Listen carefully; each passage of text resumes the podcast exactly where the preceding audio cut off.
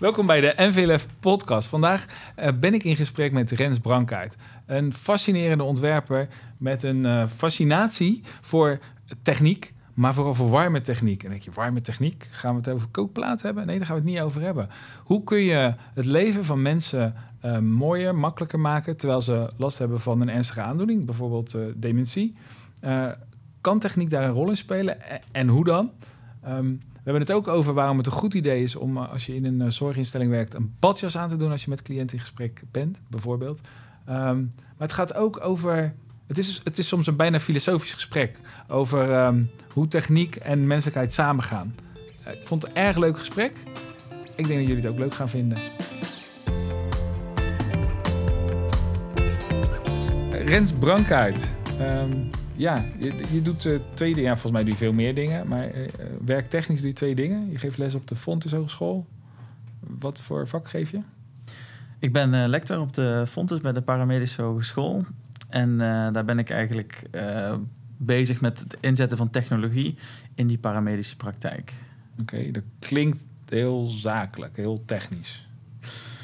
Ja, uh, ja, daar begint het ook. Hè. Maar waar, waar ik mee bezig ben, is ik kom vanuit uh, Industrial Design als ontwerper. En waar ik mee bezig ben, is eigenlijk uh, samen met de studenten kijken over hoe kun je nou technologie ontwerpen, zodat die een verbetering eigenlijk toevoegt aan, ja, aan, aan, aan de paramedicus, bijvoorbeeld de logopedist. Ja, eigenlijk ben je gereedschappen aan het ontwerpen waarmee het leven van de patiënt of cliënten beter wordt. ja, dus, dus ehm, een paramedicus die helpt uh, allerlei verschillende vormen natuurlijk uh, uh, patiënten.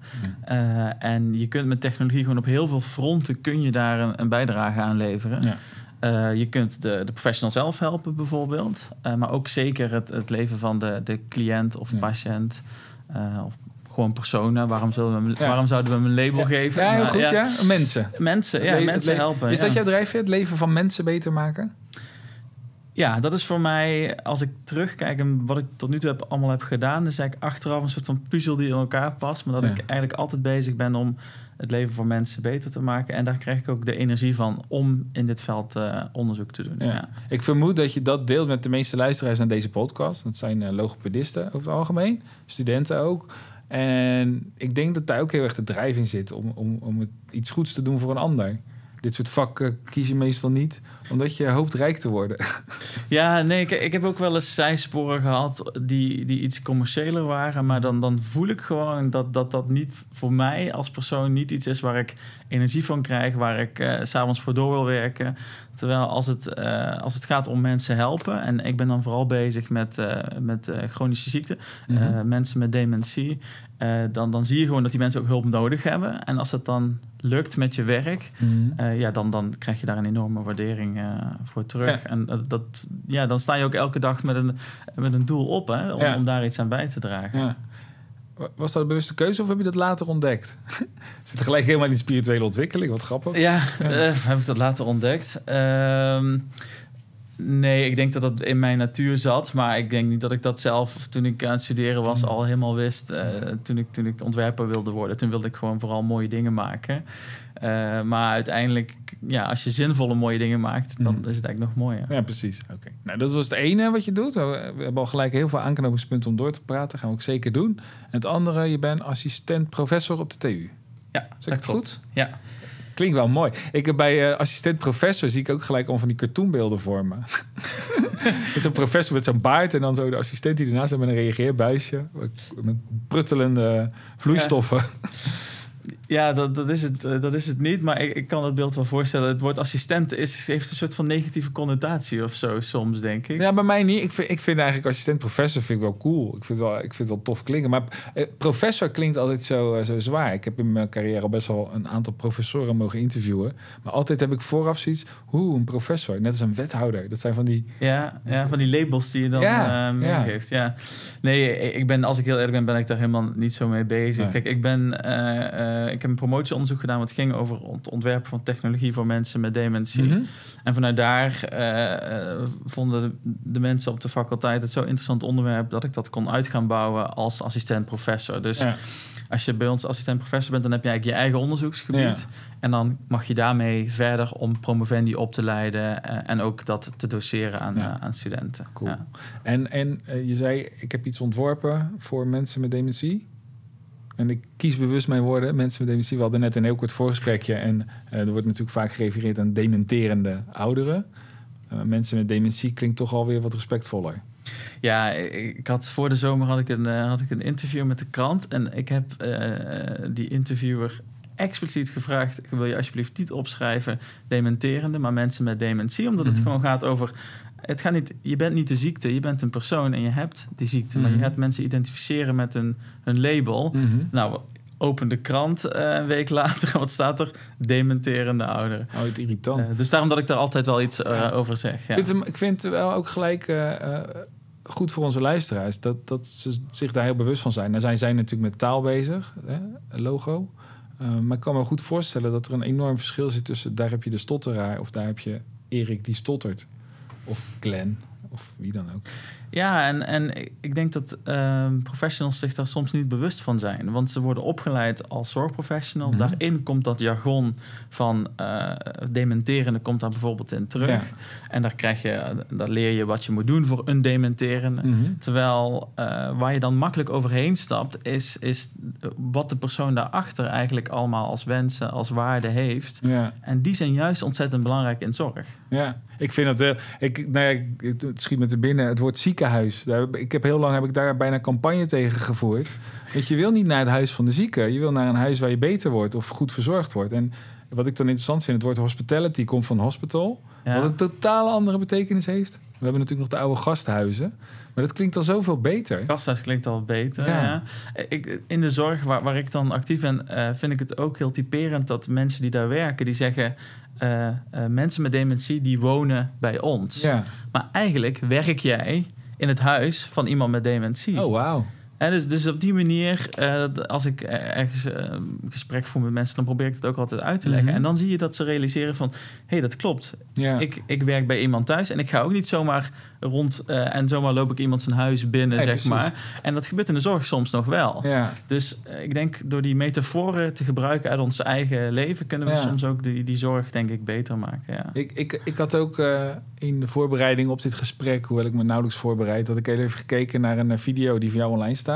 Bij de Universiteit van Nederland, Ja? volgens mij. Ja. En dat ging over iets wat je al. Nou, ik noem het uitgevonden, want dat vind ik heel vet. En dan heb ik namelijk ineens een uitvinder eh, tegenover me. Ehm, maar daarin zat een klein stukje waarin een verzorgster in een huis voor, dementerende ouderen. eh, in een badjas liep s'nachts in plaats van in een wit uniform.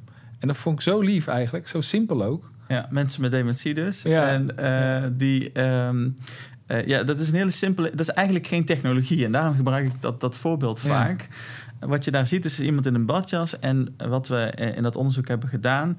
is in plaats van dat mensen in de nachtdienst een wit uniform dragen... dragen ze dus een badjas. Ja. En eh, als je dan eh, probeert zo respectvol mogelijk iets te bedenken voor mensen met dementie, door hun bril de wereld te zien, Hmm. dan is dat eigenlijk veel logischer dan dat iemand in een wit uniform s'nachts aan je bed staat, dan iemand die, die, die slaapkleding aan heeft. is dan veel passender eigenlijk. Ja. Eh, dus, en, en dat is eigenlijk een metafoor wat ik ook altijd bij studenten, als ik dan, eh, die beginnen dan aan een project voor dementie bijvoorbeeld, dan, dan probeer ik dat ook altijd te gebruiken, omdat het gewoon heel eh, goed laat zien hoe je echt anders kunt kijken naar bepaalde uitdagingen. Ja. Ja, het is grappig, want je bent ontwerper. Mhm. en dan eigenlijk ook nog ontwerper van apparaten. Toch? Iets met een stekker of met een batterij. Ja. Maar dit gaat heel erg over voelen en over... over eh, ehm, eh, ja, eigenlijk over voelen. Wat is er gebeurd? dat hebben ze je vast niet onderwezen, of wel? Nou ja, het, komt heel dicht bij psychologie dan, eh, inderdaad. Ja. En eh, dat, dat is een van de kernwaarden van, eh, van industrial design, van de opleiding eh, aan de TU Eindhoven. Eh, dat je dus eigenlijk dat empathie-stukje voor de eindgebruiker, dat is een ontzettend belangrijk deel. Dat Ja. je echt moet begrijpen en voelen wa- eh, wat het leven is van diegene waar je een interventie voor maakt. Mhm. En als je dat overstaat of dat snel overheen gaat, dan, dan is je oplossing uiteindelijk niet, niet gepast. Empathische technologie. Ik Ja. vind het fantastisch klinken. Hoe, eh, wat, wat, heb, wat heb je eh, bedacht voor mensen met dementie? Uh, ja, ik ben dus al iets meer dan tien jaar, denk ik, nu actief in dit, Ja. uh, in dit onderwerp. Dus ik heb Voordat al, je het uitlegt, uh, waarom, waarom, waarom raakte je dat zo? Uh, dementie? Uh, voor mij heeft het een persoonlijke reden. Mijn, mijn opa die had dementie. En uh, dat heeft mij geïnspireerd, omdat ik gewoon zag dat er niks was Mhm. uh, voor mijn opa. Heeft mij geïnspireerd om daar... uh, ik zei in het begin van... ik ga mijn afstuderen onderwerp, vind ik het wel leuk om daar iets voor te doen. Ja. En dan ga ik daarna wel iets anders doen. Ja, ja, ja. En toen ging ik promoveren en zei ik... "Ah, dat vind ik wel leuk om iets voor te doen. Ja. En toen iets anders Ja, ja. doen. En voor je nou weet er steeds- keer. Ja, ja, precies. Ja. Nee, maar het, het- het- elke keer als je iets doet, dan vind je weer, weer, nieuwe, eh, ja, weer, weer nieuwe uitdagingen, nieuwe punten die toch beter kunnen. Ja. Dus, dus ik zeg wel eens dat ik in mijn eerste jaren alle fouten heb gemaakt die je, die je kan maken. Ja. En daarom weet ik nu een beetje hoe het moet. Ik kan heel flauw grap maken, dat is toch iedereen vergeten inmiddels. Ja. Maar eh, nou, eh, dan terug naar die vraag. Wat, wat, had je, wat heb je toen bedacht? Eh, een van de eerste dingen die ik heb bedacht is een eh, grote kalender voor mensen met, eh, met dementie. En wat ik daar had geprobeerd is om van het scherm af, en we kennen allemaal onze digitale kalender. Mhm. Ik leef daarbij, eh, Ja. jij misschien ook. Ja. Eh, en die heb ik fysiek gemaakt. Dus heb ik geprobeerd allemaal losse componentjes, dat zijn je afspraken, die kon je op een fysiek bord hangen. En dan, is het voor, dan hoeft iemand niet die technologie te leren om een kalender te gebruiken. En werd die dan wel digitaal aangestuurd? Nee, werd ook fysiek eh, gepland. En je kreeg dan wel reminders. Dus Mhm. dat was het digitale component. En er zat een bericht in van een familielid die dan zei... hey, eh, ik kom zo op bezoek. Of hey, je moet zo meteen je medicijnen nemen. Eh, En dat werkt ontzettend goed, hè? Dat, dat, dat, die persoonlijke connectie. Eh, alleen ik had daar een, een, een enorm groot wit bord. Eh, Hierachter hangt een whiteboard. ja. Maar dat was een beetje het idee wat, Ja, wat je kreeg. Dus ja, mensen die, die zagen mij al aankomen met dat apparaat. Dus, dus wat ik daar compleet over het hoofd had gezien... is dat je ook niet moet stigmatiseren met je technologie. Nee. Nee. Dus dat is een, een voorbeeld wat ik in het begin van mijn eh, carrière heb gemaakt. Ja, ja. Nou, daar leer je dan van en dan neem je dat weer mee in je, in je volgende eh, Ja. trajecten. Ja. Hey, we, we zitten hier in de, de eh, NVLF-podcast, dus voor logopedisten. Eh, Het was voor mij best wel een, een eye-opener om te ontdekken dat logopedie en mensen met dementie wel degelijk veel met elkaar te maken hebben. En jij bent ook eh, op die manier een beetje op ons pad gekomen voor deze podcast. Hoe, hoe werk jij samen met logopedisten? Eh, ja, dus ik ben sinds een jaar eh, als lector betrokken bij, bij logopedie. En eh, wat je dus ziet is dat technologie in alle paramedische vakken steeds meer een rol gaat spelen. Ja. En ik ben dus Nou ja, als, je kunt eh, zeggen in alle vakken. in alle vakken eigenlijk, ja, Ja, ja. zeker. Ja, dat, daar heb je ook gelijk in. Ja. Eh, maar ook ja, in de zorg ook zeker. En eh, ik ben dus een ontwerper van die technologie. Mhm. Dus ik kijk daar samen met logopedisten van... Hey, welke technologie kan nou voor deze groep... voor zowel de professionals als voor de, eh, de mensen die, die die zorg nodig hebben... eh, een verbetering betekenen. Ehm, eh, en, en daarnaast probeer ik ook logopedisten wat meer open te laten staan... voor innovatie en voor technologie. Ja. Eh, dus wij doen bijvoorbeeld ook ontwerpvakken die ik eh, zelf geef op de TU. Die geef ik ook op de Fontes. Om daar eigenlijk een logopedist mee te nemen in wat het betekende nou om tot zo'n ontwerp te komen. Mhm. Ten eerste heb je die expertise nodig, want anders, hè, wat ik net zei, kun Ja. je niet die empathie als ontwerper opbouwen. Maar ook om de professional een gevoel te geven van wat er aan zou kunnen komen Mhm. qua technologie en wat het betekent om die technologie eigen te maken. Ja. Eh, dus dat is eigenlijk twee kanten. Dus aan de ene kant is samen kijken naar, naar oplossingen. Ja. Eh, rondom eh, slikstoornissen kun je bijvoorbeeld bedenken. Kunnen we van alles doen met technologie. We kunnen bijvoorbeeld met foodprinters kunnen we eten printen... die voor iemand met dementie nog steeds goed smaakt... maar Mhm. wel makkelijk te verteren is bijvoorbeeld. Hmm. Zo, wacht even. Voor de- deze laat ik even tot me doordringen. dus jij, jij, jij kan, ik ga even kijken of het theoretisch, eh, of, of dat het ook echt kan. Jij kan een kippenboutje printen die smaakt als kip, die eruit ziet als kip, maar die de structuur heeft van pudding. Ja, eh, dat kan ik niet, maar dat is technisch eh, zeker mogelijk. Wauw. maar dan Eh, raak je in de war als je last hebt van dementie. Ja, dus dan moet je dan ook weer, hè, als, ik- als we het hebben over empathie, hè, dan, Ja. dan, dan, dan moet je daar ook heel goed over nadenken over hoe je dat doet.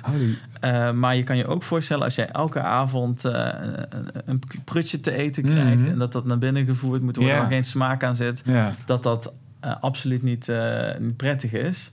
En ik heb een eh, project gedaan met een student op de TU. En die, die had dus iets gemaakt wat er ontzettend lekker uitzag, krokant. En op het moment dat het je speeksel raakt, loste dat op. Mm. Dus het is echt, je hebt een bite. Mhm. En, en die bite, dat, dat is iets wat je nog kunt geven aan iemand. Maar het is heel gevaarlijk als dat Ja, ja, ja. stukje wat, wat je bite heeft, dat dat in je keel komt. Eh, dus, dus daarmee waanzinnig. kun je... Ja. dus dat is echt innovatie. Mm. Footprinting is iets... staat nog in de kinderschool. Ja, Maar eh, iemand die met footprinten bezig is... denkt misschien niet aan de zorg. nee. En als ontwerper kun je dus die bestaande technologieën... kun je dus koppelen aan uitdagingen in, in bepaalde disciplines. Ja, En dit is dus een voorbeeld wat je voor logopedie zou kunnen doen... met, met nieuwe wat technologie. gaaf. En, en ehm, ja, ik, ik heb regelmatig ook op bijeenkomsten, eh, toen we nog elkaar mochten ontmoeten, met logopedisten gesproken. En wat je vaak ziet is ook weerstand eh, op, op ehm, nieuwe ontwikkelingen. Bijvoorbeeld het oefenen. Ehm, ik, vind, ik vind het heel logisch als buitenstaander dat, dat je oefent met een app bijvoorbeeld. Als je uitspraak, ja, dat die, die app doet het elke keer precies dezelfde manier en ik moet het op die manier leren. Dus ik hoef dat niet, volgens mij niet per se met een, eh, met een echte logopedist te doen. En dan kan die logopedist andere dingen met me doen. Ik zou zeggen dat dat de kwaliteit van de zorg mogen. Maar ik voelde daar enorm veel weerstand tegen dat soort. eh, Ja, ik denk dat daar raak je een heel gevoelig punt voor, voor, dit, eh, voor dit type werk. Hè. dus, Mhm. dus therapeutisch werken met mensen is echt gestoeld op die connectie tussen mensen en Ja. alle ja, vaardigheden die daarbij horen. En een aantal van die vaardigheden zouden we ook naar een digitale omgeving kunnen, Ja. kunnen vertalen. Eh, er is over het algemeen heel veel weerstand tegen, Ja. Mhm. ook binnen de fysiotherapie bijvoorbeeld. Aan de andere kant eh, eh, kunnen we daarmee ook onze therapie blended maken en, Ja. en, en echt verbeteren. mhm. Eh, dus, dus ik zie daar zeker wel. Zou, zou het ook kunnen zijn, want ik heb daar ook over nagedacht, van dat de kwaliteit van de, van de zorg echt heel hoog is. Dus de, de output is, is gewoon echt supergoed. En, en ehm, dan kan ik me ook voorstellen dat je denkt, ja, if it ain't bro- broke, don't try to fix it of zo. Weet je, dat je blij bent met hoe je je werk levert, de kwaliteit levert. Jeetje, moet ik weer wat anders gaan doen? Dat dat, Ja. dat, dat een rol speelt. Ja, dat, dat denk ik zeker dat dat voor logopedisten een rol speelt. Ook een beetje onzekerheid of het echt wel zo goed werkt als, hè, als misschien Mhm. een verkoper van zo'n app eh, doet geloven. Ja. En, en voor mij als ontwerper zit daar ook nog een vraagstuk bij. Wij zijn heel erg bezig met een individuele benadering Mhm. eh, van doelgroepen van chronisch zieken. Ja. Omdat we ze niet als, als de ziekte willen benaderen, hè, Nee. waar we het straks over hadden. En als je dan eh, naar een app gaat kijken, als die app gewoon voor iedereen hetzelfde programma biedt, Mhm. dan doet hij nog steeds, heeft hij nog steeds niet de persoonlijke benadering. Nee. Terwijl als jij als personen tegenover elkaar zit, Ja. dan kun je dat wel doen. Dan Ja, kun je echt reageren op wat je ziet. Ja. Dus ik denk dat, dat het automatiseren stap 1 is. Maar Mhm. dat slim eh, eh, automatiseren, dat dat nog wel een ontwikkelslag is die, die moet gaan komen. Zodat die app ook echt persoonlijk is voor jou. ja. Dus dan, eh, dan, dan gaan we over AI praten. Eh, bijvoorbeeld, ja. Ja. het is een beetje een, eh, een buzzword. eh, Kunstmatige intelligentie. kunstmatige Ja. intelligentie. Ja. Eh, maar je kan je van alles eh, daarbij eh, bedenken. Ja, als, als, als die app weet hoe jouw gedrag is, Mhm. dat jij misschien in de avond je, op, je oefeningen niet zo graag doet, maar als je dat 's ochtends na het ontbijt even moet doen. Ik weet niet of dat in de logopedie eh, Ja, dat weet ik ook in de kerk is. Tij- tijdens, Maar- tijdens het ontbijt. Tijdens het ontbijt. Terwijl je een beschuitje eet. Het zou wel leuk zijn dat je bepaalde Ja. technieken hebt om te Ja. oefenen tijdens het eten. Ehm, maar maar ik, eh, hè, dus, dus ik kan me voorstellen dat zo'n app dan leert van... Mhm. hey, die, die oefening wordt wel gedaan s ochtends, maar niet s avonds. Laten we hem dan ook s ochtends die, eh, die oefening aanbieden. Ja. ja. Hm. En, we, en we lachen net over, over eten, maar ik denk ook als je bijvoorbeeld ehm, eh, oefeningen... een onderdeel kunt maken van je huidige leven. Ja. Dus bijvoorbeeld als een fysiotherapeut eh, de, eh, de trap kan gebruiken eh, om een oefening te doen, dan is het veel makkelijker voor iemand om dat te koppelen Ja. aan, aan een dagelijkse activiteit. Dus bij eten zou het misschien helemaal niet zo gek zijn om, om het eten een moment Ja, ja, te maken van, van oefenen. Hey, maar, maar, maar jij bent dus veel in gesprek ook met logopedisten. Ja, ja de opleiding is eh, op de Fontes is niet heel erg Mhm. groot. Nee? Eh, maar zeker hebben wij eh, we hebben een team van logopedisten. Ja. En ook in het team technologie waar ik in zit, werken ook logopedisten Mhm. die echt die interesse hebben om aan technologie te werken. Ja. Wat vind jij van logopedisten? Daar ben ik wel benieuwd naar. Nou, ik, Ik vind dat ze allemaal heel duidelijk praten. Ja, ja dat, ik ben altijd heel onzeker als ik een podcast moet opnemen of moet optreden voor logopedisten. Ik heb, ik heb dat ook, ja. ik heb niet zo'n goede R. En eh die, de, daar ben ik me dan altijd pijnlijk bewust van. Dus fijn dat je dit even oprakelt. Ja, ze praten keurig, de meeste. Ja. Ja, en ik heb, kijk, ik heb, ik heb een Brabants accent en dat valt dan op zo'n podcast ook heel erg op. Ja. Maar dat merk ik ook altijd, dat, mijn, eh, dat ik dan ga denken, wat moet ik aan mijn uitspraak oefenen? Moet ik misschien een keer met een van de logopedisten even een, Ja. een afspraak maken om even te kijken wat ik beter kan doen. Eh, maar, maar, Maar dat is natuurlijk zo'n klein onderdeel van het vak, eh, de, de, de, de uitspraak. Het gaat inderdaad veel meer het gaat over, over al die andere dingen. Ja. Ja.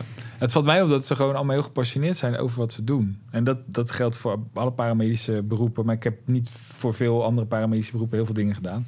Ehm, en dat, dat vind ik altijd opvallend. En er is veel eh, weerstand, logisch, op regels en, en eh, richtlijnen en noem maar op.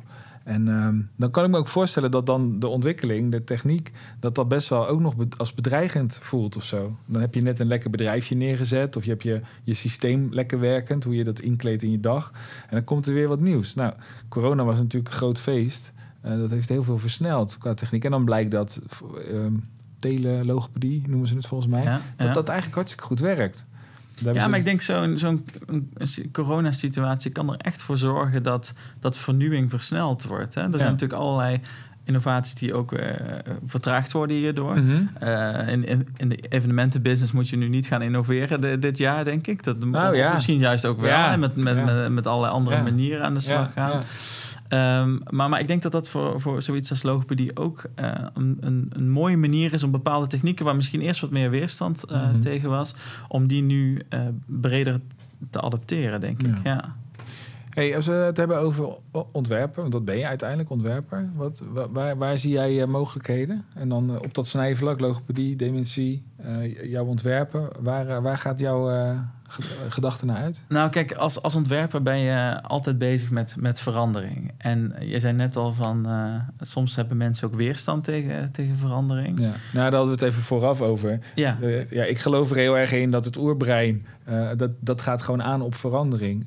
En dat gaat altijd negatief aan op verandering, omdat als je het nog niet eerder hebt gedaan, dan kan het bedreigend zijn. Dus het oerbrein zegt gewoon, nou, doe maar niet. Het is wel goed zoals het is. En dat is op zich prima, zo- zolang je aan de behoudkant wil blijven. Dus ik zeg ook altijd, angst is een goede raadgever. Dat mag prima. Alleen als je wil ontwikkelen, dan zul je die angst moeten negeren op de een of andere manier. ja voor, voor mij eh, is een quote van, van Esther Perel, dat is een hele eh, bekende psychologe. Ja. En zij zegt, eh, zekerheid is de enemy of change. Ja, Dus als jij heel erg zeker bent dat je, hoe je het nu doet... mooi hoe zij Nederlands en Engels door elkaar gebruikt.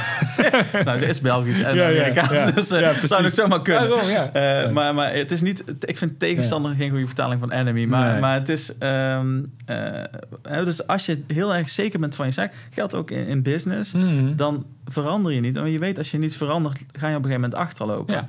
Dus, dus het is denk ik de kunst voor een vak... En, en zeker ook voor logopedie... van hoe vind je jezelf opnieuw uit? Ja. En waarschijnlijk heeft het vak zich al, al, al, al, al vijf, zes, zeven keer opnieuw uitgevonden.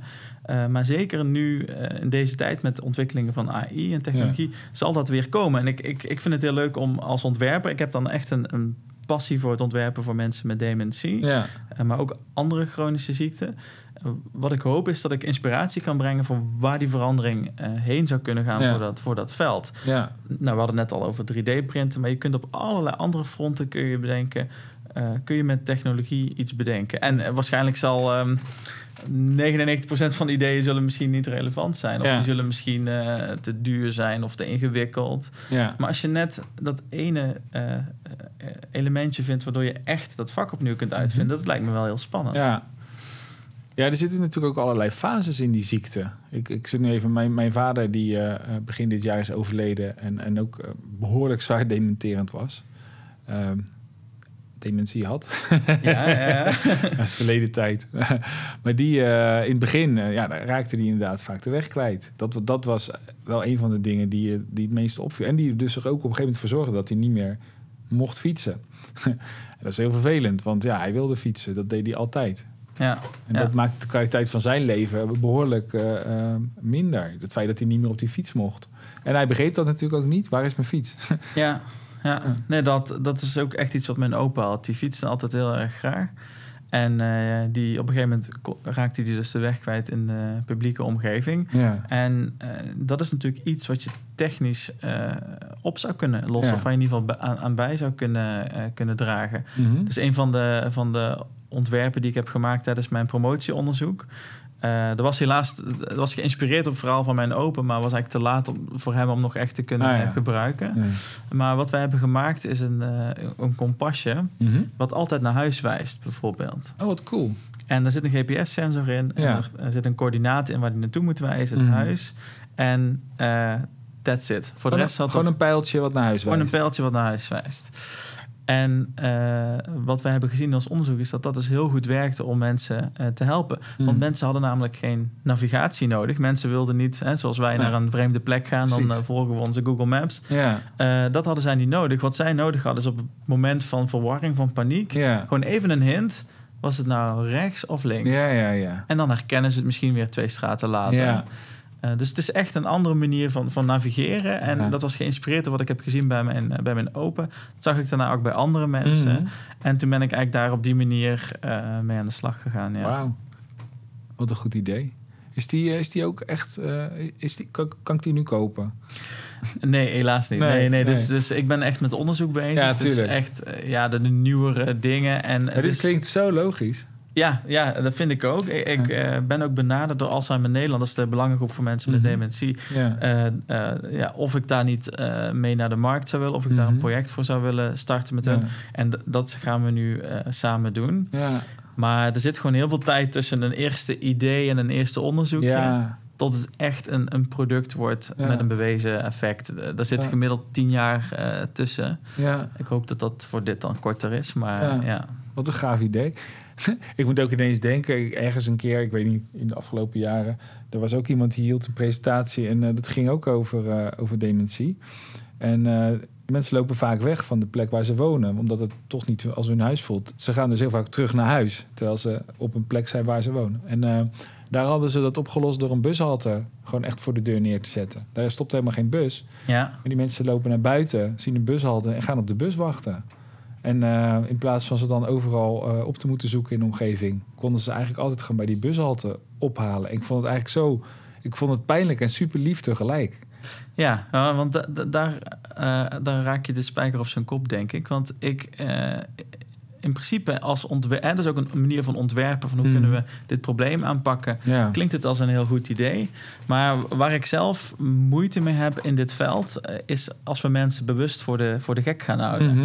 En dat is ook echt een discussie in, Ja. in het veld rondom Ja. dementie. Van is dat nou eh, wel of niet goed? Mhm. Maar ik denk als wij dus mensen op de bus gaan zetten, eh, zo gezegd. En we laten ze daar echt wachten op een Mhm. bus. En vervolgens komt die niet. Mhm. En worden ze opgehaald door iemand. Mhm. Ik denk dat dan zijn we mensen die eigenlijk al verward zijn, eh, nog meer aan het verwarren voor ons eigen gemak eigenlijk. Hè? Dus, dus het is een probleem van de zorg en dat probleem wordt voor de zorg opgelost. Maar als je kijkt, als je dan terugkijkt naar het perspectief van, eh, van de persoon met dementie, hè, de empathiestuk, ja, dan is het eigenlijk een hele onvriendelijke oplossing, Ja. zo'n bushalte. ja. Ehm, dus, dus ik zou dan zeggen van waarom kunnen we niet samen met die, die doelgroep, samen met mensen met dementie op zoek gaan naar een andere manier ja. eh, van dit probleem. eh, En, en hoe, hoe, kijk je dan aan tegen... ehm, ik, ik heb wel eens, uh, was in Amerika, daar hebben ze een, een, een, een woonoplossing bedacht. met een binnentuin en, en kleine uh, verandaatjes. En dan zitten er achter wel kamers. Maar dan lijkt dan op de voorkant van, op een huisje. Ja. En die kamers die hebben ook wel een, een beetje een, een, een persisch kleedje en een, uh, en een schemerlampje en zo. Waardoor dat er een beetje huiselijk uitziet. Maar als die mensen ervoor eruit stappen, dan staan ze in een soort ja, bijna Disney-achtige Ja. uh, binnentuin. Waar volgens mij met LED uh, verlichting in het plafond nog dag en nacht wordt gesimuleerd. Uh, je, je, zegt net van ja, de, voor de gek houden. Maar ik, dit, dit, is een beetje de Disney-oplossing. Weet je, ik, ben je wel eens in Vegas geweest toevallig? In nou, Vegas heb je ook zoiets, van, ja. ja. daar heb je ook van die, van die overdekte galleries die eruit zien als, als, als, als uh, Venetië of zo. Ja, maar ja. dit was dus speciaal voor, uh, uh, voor deze doelgroep. En wat, wat, hoe kijk je daarnaar dan? Want dat is voor de gek houden. Maar ik Ja. heb wel het ge gevoel dat ze het doen vanuit oprechte behoefte om het leven voor die mensen wat beter te maken. Ja, ik ben in, uh, in Macau geweest. Dat is de, de Chinese variant Ja, van Vegas. Was ja, het een beetje ja. hetzelfde. En.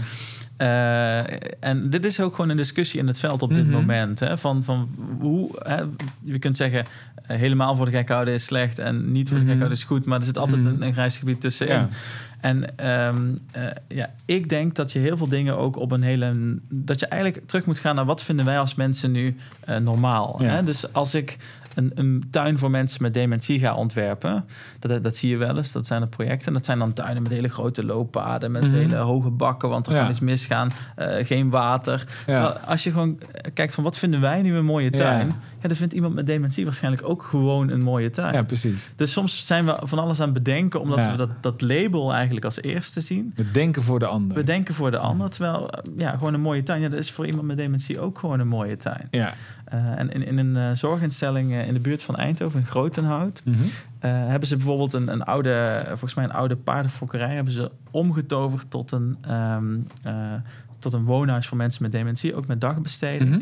En wat ze daar als uitgangspunt hebben, is laten we alles zo normaal mogelijk houden als het voor mensen thuis ook was. Ja, ja. Dus het pad is misschien een beetje ongelijk. Mhm. Mensen moeten nog steeds met de trap Ja. naar boven daar. Het schijnt voor je fysiek heel goed te zijn. Exact, Ja. ja. mensen letten wel op. Maar als je alles gaat wegnemen, als je voor iedereen alles eh, veilig gaat maken, altijd zijn, zijn bekertje pakt en opruimt, ja, dan wordt iemand ook minder geactiveerd Ja, en ja, betrokken. Ja. Eh, dus wat zij daar bijvoorbeeld ook hebben, ik was daar eh, op bezoek en dan zeggen ze van. eh, en normaal krijg je koffie ergens Mhm. en dan moet je ook zelf, of dan, en dan wordt het opgeruimd als je Ja. ergens op bezoek bent. Ja. Maar daar zeiden ze, nee, ja, jij, moet, jij bent ook gewoon hier nu. Ja. ga maar zelf je koffie halen en ruim het daarna maar zelf op.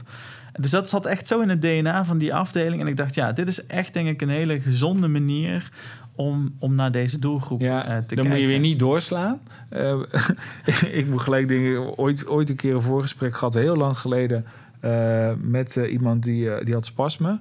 En wij kwamen daar en ik dacht, nou, gewoon normaal doen, schone man. En Ja. dat, dat deed ik zo. Maar ik ben van huis uit best wel behulpzaam, weet je wel. En op een gegeven moment vraagt hij of wij koffie willen. We waren met z'n tweeën, dus wij knikken allebei ja lekker. En blijven gewoon echt stoïcijn zitten. en vervolgens begint hij echt heel moeizaam naar de keuken te lopen. En zegt, zou even jullie even willen helpen? en wij allebei, ja natuurlijk. Ja, Maar goed, ja. het, is, het is inderdaad dat, dat soms een aandoening, eh, dat wordt inderdaad bijna de, wordt bijna de mens. En eh, wat ik jou heel duidelijk hoor zeggen is, het zijn mensen, ze hebben last van, van een aandoening, maar daarin en daaronder zit ook nog steeds een mens. Behandel hem of haar als zodanig. ja, ja. Ja, dat vind ik heel interessant. Ik heb dit ooit eens een keer over baby's geleerd. Toen ik zelf een babytje kreeg. En toen las ik ergens van ja, eh, zo'n baby zomaar uit de wieg pakken. Eh, wat mensen heel snel doen, zonder aankondiging. Moet je je voorstellen dat je volwassen bent en dat gebeurt. En dat vond ik zo'n eye-opener. Toen dacht ik, oh ja, dus ik ben dat altijd gaan aankondigen. Ik ben eigenlijk gewoon ook een baby als een mens gaan behandelen. Wat het natuurlijk ook is. ja, ja. En eigenlijk laat jij me nu zien van... joh, dat is aan het einde precies hetzelfde. Het zijn gewoon mensen. Ze hebben een aandoening. Maar behandel ze in ieder geval als mensen. Ja, en, en dat klinkt zo logisch, maar Mhm. in de zorgpraktijk en, en de druk op de zorg neemt ook steeds meer Ja. toe. Verdwijnt dat aspect eigenlijk steeds meer. Dus, dus ik, ik pleit daar wel heel erg voor. Ja. Eh, en ik pleit ook dat we dat in onze technologie kunnen we dat terug laten komen. Ja. Hè, dus we kunnen ook technologie ontwerpen die ruimte geeft voor dat persoonlijke aspect. Mhm. En we kunnen ook technologie eh, alleen maar voor de zorgprofessional, die het allemaal eh, met biepjes en belletjes Ja, en die ja, ja. iemand helemaal controleert, zodat het eh, beheersbaar is.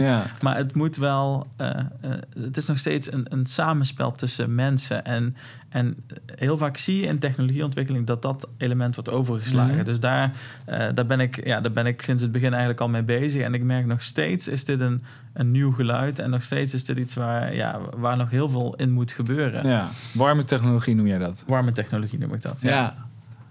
Gaaf, man. En heb je, heb je ergens een stiekem een idee waarvan je zegt... ja, maar dit is, als we dit kunnen gaan maken, dan... eh, we hebben het net over dat footprinten gehad. Dat is Ja. heel tof. Maar zijn er nog andere dingen waarvan je zegt... Ah, Eh, ja, ik, ik heb geen scoop voorbereid voor, Nee, deze, voor nou deze ja, podcast. nee, weet je, maar- het, het, het stom is natuurlijk ook, want ik had in een andere podcast hebben we het ook gehad over ontwikkeling. En toen kwam het voorbeeld van, van eh, navigatie voorbij. Ja. En Vroeger zat je er met een kaart op schoot uitgevouwen en je kon niet ver- verwachten dat het ooit anders zou gaan. En toen ding er eenmaal was, ja, iedereen gebruikt het en het is volkomen logisch. Het maakt het leven leuk en ik denk dat het huwelijk heeft gered. Eh, maar ehm, Het heeft mijn eh, examen voor mijn rijbewijs gered. ja, Ja. ja, ja. Dus, eh, nee, dus ja, als ik kijk, wa- wa- waar ik van zou... wat voor mij iets is waar ik van, van zou dromen... is dat eh, de latere fase met dementie... dat zijn nu hele treurige zorgomgevingen Dat kan vaak. ik volledig beamen. Heb je gezien? Ja. Eh, Dat, dat hoop ik dat we dat kunnen aanpakken. Dat dat meer geïntegreerd wordt in onze maatschappij. Mhm. En dat, dat, hè, dat eigenlijk de omgeving, het gebouw ook voor je kan zorgen. In plaats van dat dat een, ja, een soort van halve gevangenis is waar je opgesloten zit. Mm. Dus dat Mm. lijkt me heel erg mooi als we daar naartoe zouden kunnen, Ja. kunnen gaan. Dat Ja, het echt wat meer wonen wordt.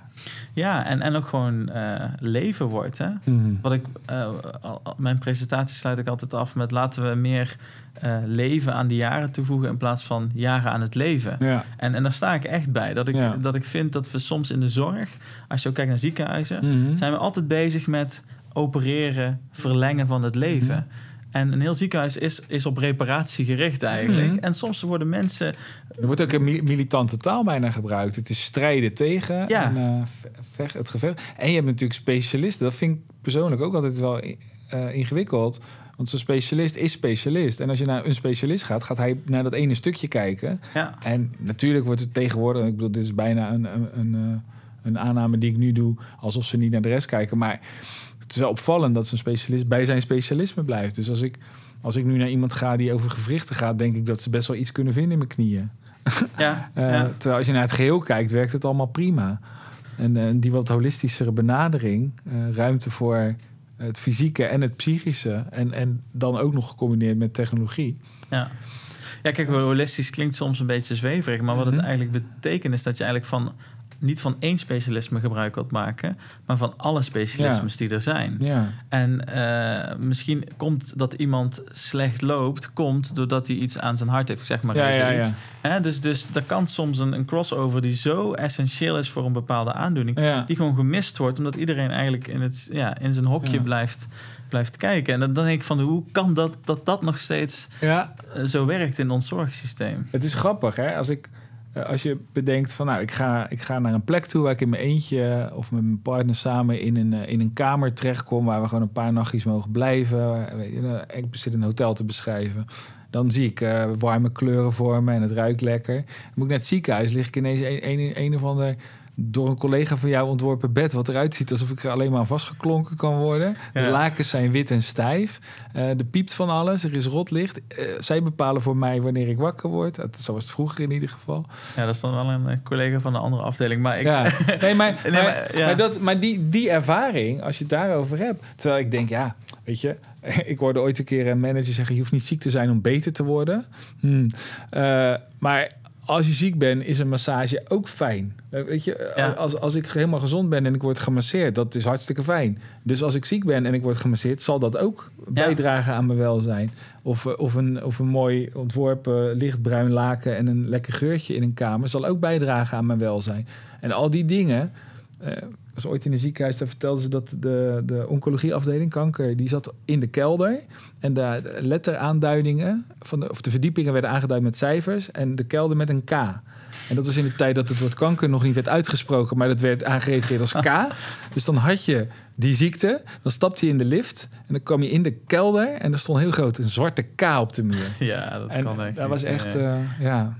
Nou ja. Nee, we, zijn met, we werken heel veel samen met zorgorganisatie eh, Pleiade. Ja? Eh, die doen heel veel rondom innovatie. En een van de innovaties die zij hebben is dat ze echt met Van der Valk samen een zorghotel gaan maken. Ja. En dan daar wordt gewoon hotel zijn met zorgen voor mensen gecombineerd Ja. in- onder, de, onder, het, onder eh, dezelfde hoed, zeg maar. Dus dan denk ik van ja, dan zijn ze echt hè, het hospital, eh, hospitality terug aan het, eh, in Goed, de hè? zorg aan het brengen. Dan denk ik, ja, er zit echt heel veel winst. En ze het is goedkoper. Dat is ook nog zo bizar. Ja, ja. Dat is ook zo raar dat de, de fijnere variant goedkoper is. Ja, wauw. Ja, oh, ik, dit vind, ik vind het zo'n leuk en interessant onderwerp. Nog, nog, nog even, benieuwd wat je daarvan vindt. Eh, ook gehoord, een eh, zorginstelling ergens in, eh, in Limburg. En die combineren, die zeggen gewoon, wij leveren zorg. En het maakt niet uit waar je aan leidt, wat je aandoening is. Wij proberen het zoveel mogelijk te combineren. Het zijn allemaal mensen die niet meer thuis kunnen wonen. Dus die in een instelling. En hebben ze bijvoorbeeld eh, jongeren die echt eh, eh, behoorlijk eh, last hebben van autisme. Ehm, en die gaan dan elke dag wandelen met een oudere met dementie. Maar die oudere met dementie vindt dat een heerlijk rondje. Sowieso, lekker buiten. En die autistische jongen vindt het heel fijn dat hij elke dag precies hetzelfde rondje mag lopen. ja. En ik vond dat zo'n ook weer zo'n leuke, eh, liefdevolle manier van samen. Ja, Ehm, want ja, als ik elke dag hetzelfde rondje moet gaan lopen, dan word ik er natuurlijk heel snel poepflauw van. nee, ik vind het, het klinkt als een fantastisch idee. Ja. En wat je daarin terugziet, is dat je ook de, de silo's in de zorg, dat we mensen met dementie moeten allemaal bij elkaar verzorgen. Ja, hè? en, en dat je dat gewoon eh, met elkaar verbindt en dan dit soort, dit soort dingen krijgt. Ik denk als jij een week in zo'n eh, in zo'n huis zit, dat je daarna zelf ook gewoon een beetje dingen gaat vergeten. ik vergeet nu al best wel. Ja, ja, ja. Ik weet niet of het nodig is, maar, maar je ziet bijvoorbeeld ook dat eh, dagopvang voor mensen met dementie eh, soms wordt gecombineerd met kinderopvang. Ja, precies. En dan kun je daar ook, en dan kun je, wa- waarom kan een, een ouder dan, die vindt het hartstikke leuk om met, met kinderen nog, eh, nog iets te doen. En dan moet je natuurlijk ook voorzichtig zijn hoe je dat inricht. Maar ik denk dat dat soort, dat soort ehm, ja, verwevingen eigenlijk Mhm. tussen afdelingen tussen de, in de maatschappij, dat dat Ja. heel sterk zou zijn voor, Ja. voor dementie. Ja. Je daar ook een taak als ontwerper? Ja, ik, ik vind dat ontwerpen gaat veel verder tegenwoordig dan alleen het product wat op, op het schap ligt straks. Als ontwerpers zijn wij ook bezig met eh, het systeem daarachter en de Mhm. dienst eh, om een bepaald product heen. Ja. Eh, dus misschien is een ontwerp straks niet meer iets tastbaars, maar is dat inderdaad zo'n nieuwe omgeving waar kind en, en oud samenkomt. Ja. En waar dan ook een logopedist werkt die zowel met de kinderen als met de ouderen aan de gang kan. Precies, ja. Ja. En misschien zelfs daar nog eh, een qua oefening iets in, in kan doen. Ja, Dus, eh, dus ik, ik- denk dat het ontwerpen, eh, dat is al, al lang gaan door. Maar dat is echt vanuit het industrieel productontwerp, het Mhm. produceren van, van iets wat in de winkel ligt. ja. Is het nou heel erg meer naar wat is nou de invloed van technologie in onze maatschappij? En hoe kunnen we die maatschappij andere verbindingen laten leggen met wat wij voorstellen? En dat noemen ze, eh, als ik het een beetje plat stel, noemen ze dat social designers. Mhm. Dat is een, eh, een opkomende term, sociale ontwerpers. ja. Die eigenlijk veel meer naar de menselijke component kijken. Mhm. En soms is daar een product voor nodig om dat te faciliteren. Eh, maar het uitgangspunt is altijd die, die menselijke connectie. En ik, ik denk dat, dat sociale ontwerpers... ehm, dat, dat die op veel meer plekken eh, een belangrijke rol zouden moeten spelen. Ja. Bijvoorbeeld bij een overheid ook, om daar eh, keuzes te ondersteunen. Zo, we kunnen nog een podcast van een uur opnemen. Ja, een nieuw blik open. ja, maar dat... Ja, ja. Nou ja, ik, eh, dit is een heel mooi boekje. Dat heet, hebben we hier nu voor gekozen. Ben de schrijver kwijt, maar dat kan ik wel opzoeken. Zetten we het in de show notes. En die beschrijft hoe eh, rationele oplossingen voor rationele problemen over het algemeen het probleem verergeren. Omdat we vergeten te kijken naar de, naar de emotie en naar de onderstroom. En, eh, en ik denk, eh, om het dan weer even rond te breien, ook richting de logopedie. Volgens mij zijn de meeste logopedisten heel menselijk, heel warm, heel erg betrokken bij hun patiënt en willen dat graag goed doen. En als er dan dingen misgaan, dan komen er altijd rationele oplossingen. Bijvoorbeeld meer regels, meer richtlijnen, meer training, meer, meer, meer. Waardoor het probleem niet wordt opgelost, eh, maar erger wordt. En, en wat ik heel mooi vind aan eh, als ik eh, met jou in gesprek ben, dan, dan hoor ik eigenlijk van nou, dat gaat veranderen. We gaan technieken bedenken die jou gaan helpen om die juist die menselijke kant nog meer ruimte te geven. We gaan kijken wat hebben cliënten, patiënten, maar beter nog mensen nodig. En, eh, en daar ben jij druk mee bezig. En dat vind ik fantastisch. Ik ben blij dat je daar met mij en met ons eh, over wilde praten. Dank je Ja, wel. graag gedaan. Ja, Ja. Heel, eh, heel leuk. Gek. En ik ben benieuwd, misschien over, over een jaar doen we een vervolg. Kijken wat er dan. Hoe, nee, hoe, hoeveel tijd zit er? Dat is de laatste vraag. Hoeveel tijd zit er tussen een ontwerp of een idee en, en voordat je een soort prototype hebt?